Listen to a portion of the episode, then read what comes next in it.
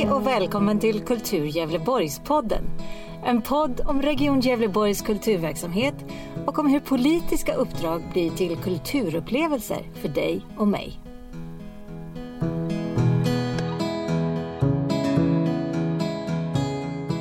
Eh, idag har jag med mig min kollega Jenny Nilsson. Ja. Eh, som, eh, det här blir ju lite spännande Jenny. För att när jag har pratat med våra andra kollegor då har jag utgått ifrån målen i kulturplanen. Och kulturplanen reglerar ju alla verksamheter som ingår i kultursamverkansmodellen.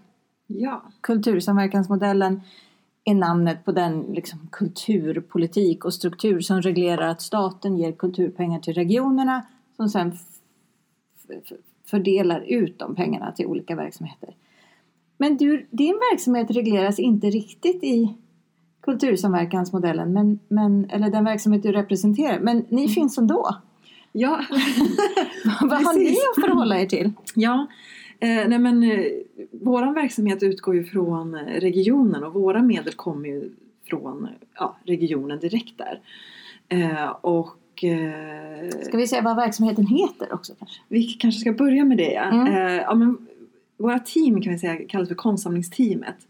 Och det vi gör är att vi jobbar med eh, att, gestalt, att konstnärligt gestalta eh, Region Gävleborgs eh, verksamheter och lokaler. Med många olika, på många olika sätt. Mm. Du säger mm. team, hur, hur, många, hur stort är teamet? Vi är totalt fem personer och vi har olika roller. Jag jobbar som intendent vilket innebär att Eh, jag eh, ansvarar, jag är samordnare, jag planerar vår verksamhet, eh, leder arbetet, är sammankallande för vår referensgrupp. Ja, en liten spindel i nätet kan man säga. Jag har en mm. översikt över hela, hela teamets arbete. Vilka andra roller finns det i teamet? Eh, jo, vi har en eh, roll där som är mer som en administratör. Eh, där vi har en tjej som jobbar med att registrera och inventera vår konstsamling. Hålla ordning har... på allting. Ja. Jajamän, precis. För jag tänker det är stora samlingar och spridda på många ställen. Det är, det är viktigt att hålla ordning för det kan försvinna. Ja. Jag, jag, vet att det är en sån här fördom som finns att folk som har haft en tavla på väggen i sitt kontor vill mm. gärna ha med sig den när man går i pension. Är det en fördom eller finns det någon, finns det någon sanning bakom det där? Det finns en viss sanning bakom det. Jag skulle inte säga att, att, liksom att alla som pensionerar sig har en sån här tavla som Smyger med sig. Med sig en tavla hem. Nej, men däremot så har det hänt att konst har försvunnit på det viset. Men vi har också fall där folk faktiskt har insett sitt misstag. För det är inte alla som förstår heller att den här tavlan de haft på sitt kontor i 30 år eh, faktiskt tillhör den offentliga konstsamlingen. Eh, utan eh, har trott att den här tillhör mig då helt enkelt. Mm. Och plockat med sig den hem och sen efter några år upptäckt nej men det sitter ju en, en märkning här som står Region mm. Gävleborg på. Och inser då att den här kanske inte alls var min. Mm. Så att, så folk är oftast ärliga med ja, när de gör de här misstagen. Något, det är ändå någonting lite fint i det här att man har umgått så mycket med, min konst, med sin konst att mm. man blir lite familjär. ja, nej men verkligen. Och det, vi får ju också ofta förfrågningar om man får ge bort i pensionspresent eller liknande. Ja. Att man får ta med sig den man har haft. Eh, och tyvärr så är ju svaret alltid nej. Ja. Det här tillhör ju den offentliga konstsamlingen som är inköpt med skattemedel och då ska ju den faktiskt vara ingå den ska ju tillhöra alla. Ja. Och den ska finnas tillgänglig. Ja och mm. det är någonting som jag tycker är jätteintressant för det här är ju eh, samtida konst ofta. Nu har ju konstsamlingen i Gävleborg funnits länge så mm. samtida får vara ett vitt begrepp. Liksom. Precis, det man kan säga är ju vi har ju köpt in egentligen från 1960-talet började Region Gävleborg köpa in till den offentliga konstsamlingen. Men det innebär ju att, och då har man ju alltid köpt in den samtida konsten men i början till exempel så köpte man även in äldre konst och vi har ju verk från 1800-talet också. Eh, och, men det har ju alltid varit samtidskonst man har köpt in den största mängden har varit samtidskonst men idag är ju konsten från 60-70-talet inte samtids men däremot så ger ju det intressanta årsringar i samlingen så man kan ju mm. se olika eh, svängningar och man kan se vad som var viktigt under en viss period. Vilka, eh, hur arbetade konstnärerna? Vilka tekniker? Vilka motiv? Vilka frågor? Mm. Så det, är ju, det går ju att göra en tidslinje kan man säga med konsten i samlingen. Jättespännande. Mm. Jag, jag, tycker att det är också en väldigt väldigt fin och demokratisk och utjämnande tanke i det att det är, det är samtidskonst av, av, av väldigt hög kvalitet mm. eller en typ av samtidskonst som alla inte skulle ha tillgång till annars. Det skulle hamna i privata samlingar mm. eller kanske bara visas på liksom, internationella biennaler eller sådär. Mm. Och genom att regionen köper in så blir det tillgängligt för alla Gävleborgare och vi blir medägare på något sätt. Exakt. I den här konstsamlingen. Ja, och det är ju som du säger en väldigt fin eh, ja, men en fin tanke med att det ska finnas konst till alla och att alla ska kunna uppleva eh, konst av väldigt hög kvalitet. Eh, och att det finns en sån otrolig bredd dessutom i samlingen så att man, alltså, om man inte gillar en sak så kan man gilla någonting annat. Mm. Eh, så det, det finns verkligen någonting för alla och just det här gemensamma ägandet är ju så otroligt viktigt. Ja, du säger uh, gillar. Jag med, mm. Gillar och gillar. Ibland mm. så är ju...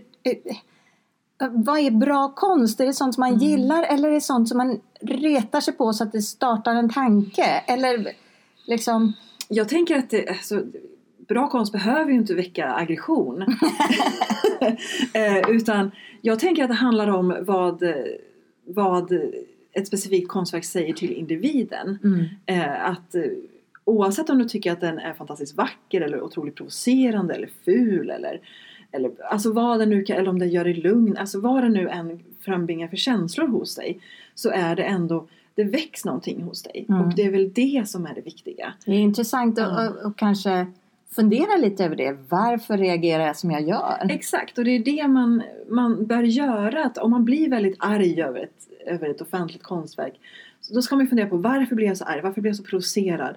Vad är det som väcks inom mig? Och det är där vi börjar liksom hela det här utvecklingen lite grann hos oss själva också. Ja. Att vi liksom får perspektiv på olika saker. Och, och det är ju också då man kan säga att konst är ett samtal liksom, ja. eller en dialog. Exakt, så det finns ju aldrig något rätt eller fel. Mm. Eh, en käns liksom, om du blir arg eller glad, ingen kan säga att, att du inte ska reagera på det viset.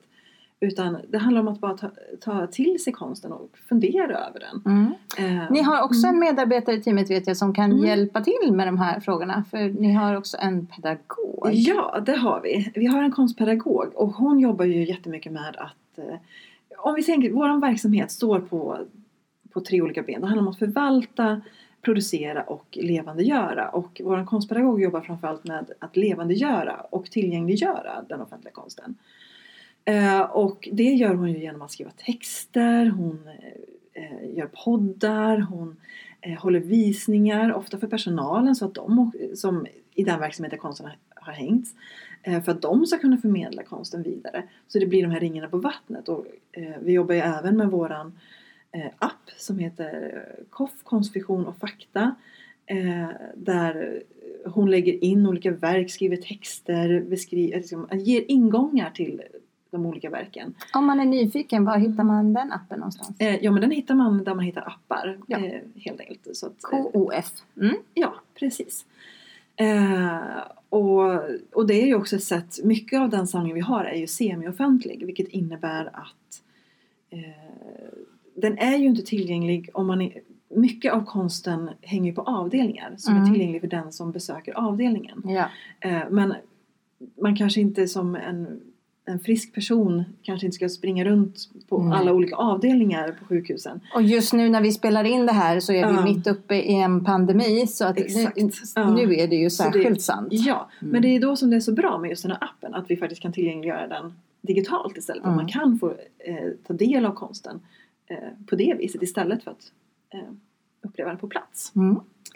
Och eh, ni har, nu har vi gått igenom de som jobbar liksom med det idéburna eh, delen av konstsamlingen men vi har de som jobbar mer Precis. konkret. Vi har ju två eh, stycken eh, konsttekniker som gör ett jättejobb med att eh, rama, rama ur, eh, vårda konsten, ja men helt enkelt förvalta den och bygga nya konstkollektioner, de bygger podier, beställer skyddshuvar och installerar den på plats. Mm. Vilket såklart är ju en otroligt viktig del i det här. Jag vet att mm. andra regioner har löst det på andra sätt. Att man inte har en egen ramverkstad mm. och sådär. Vad, vad, tror du är fördelen med att faktiskt ha den verksamheten kvar? Alltså det uppenbara svaret på den är ju naturligtvis den ekonomiska biten. Att det är ju en otrolig resurs att ha en egen ramverkstad så att vi själva kan eh, eh, arbeta, liksom arbeta med olika sätt att... Att man inte fastnar i beställningar som Nej. kan vara svåra att kommunicera. Och, Exakt, utan vi kan ju vara ganska fria i hur vi bygger olika poder eller hur vi ramar in. Utan, så att, och ganska innovativa. Ja, alltså Det är där- lite av en experimentverkstad där nere. Exakt. Eh, vi har ju olika sätt, eh, både när det gäller ramning men sen så har vi även det som vi kallar för Artlab. Eh, där vi försöker tillmötesgå framtidens behov av olika digitala verktyg när det kommer till att gestalta och, och framställa konst. Mm. Vilket våra konsttekniker då jobbar med också för att fortsätta utveckla liksom, vilka typer av vilka vägar kan man gå där? Mm. Och det är ju otroligt brett ord. Och Mm. det, Ja, om, om vi nu inte har några sådana här tydliga mål, eller ja, tydliga, de kan ju ibland vara lite abstrakta, Mm. och att utgå ifrån som i kulturplanen. Vad har du för mål, vad har du för styrdokument som reglerar din verksamhet eller teamets verksamhet? Eh, ja, alltså det vi har är ju de här, vi har ju uppdraget att vi ska just förvalta, producera och eh, levandegöra konstsamlingen. Eh, och det är ju, alltså, eftersom vi har en konstsamling på där 17 till 18 000 verk så är ju det, alltså att förvalta den är ju en otroligt viktig del.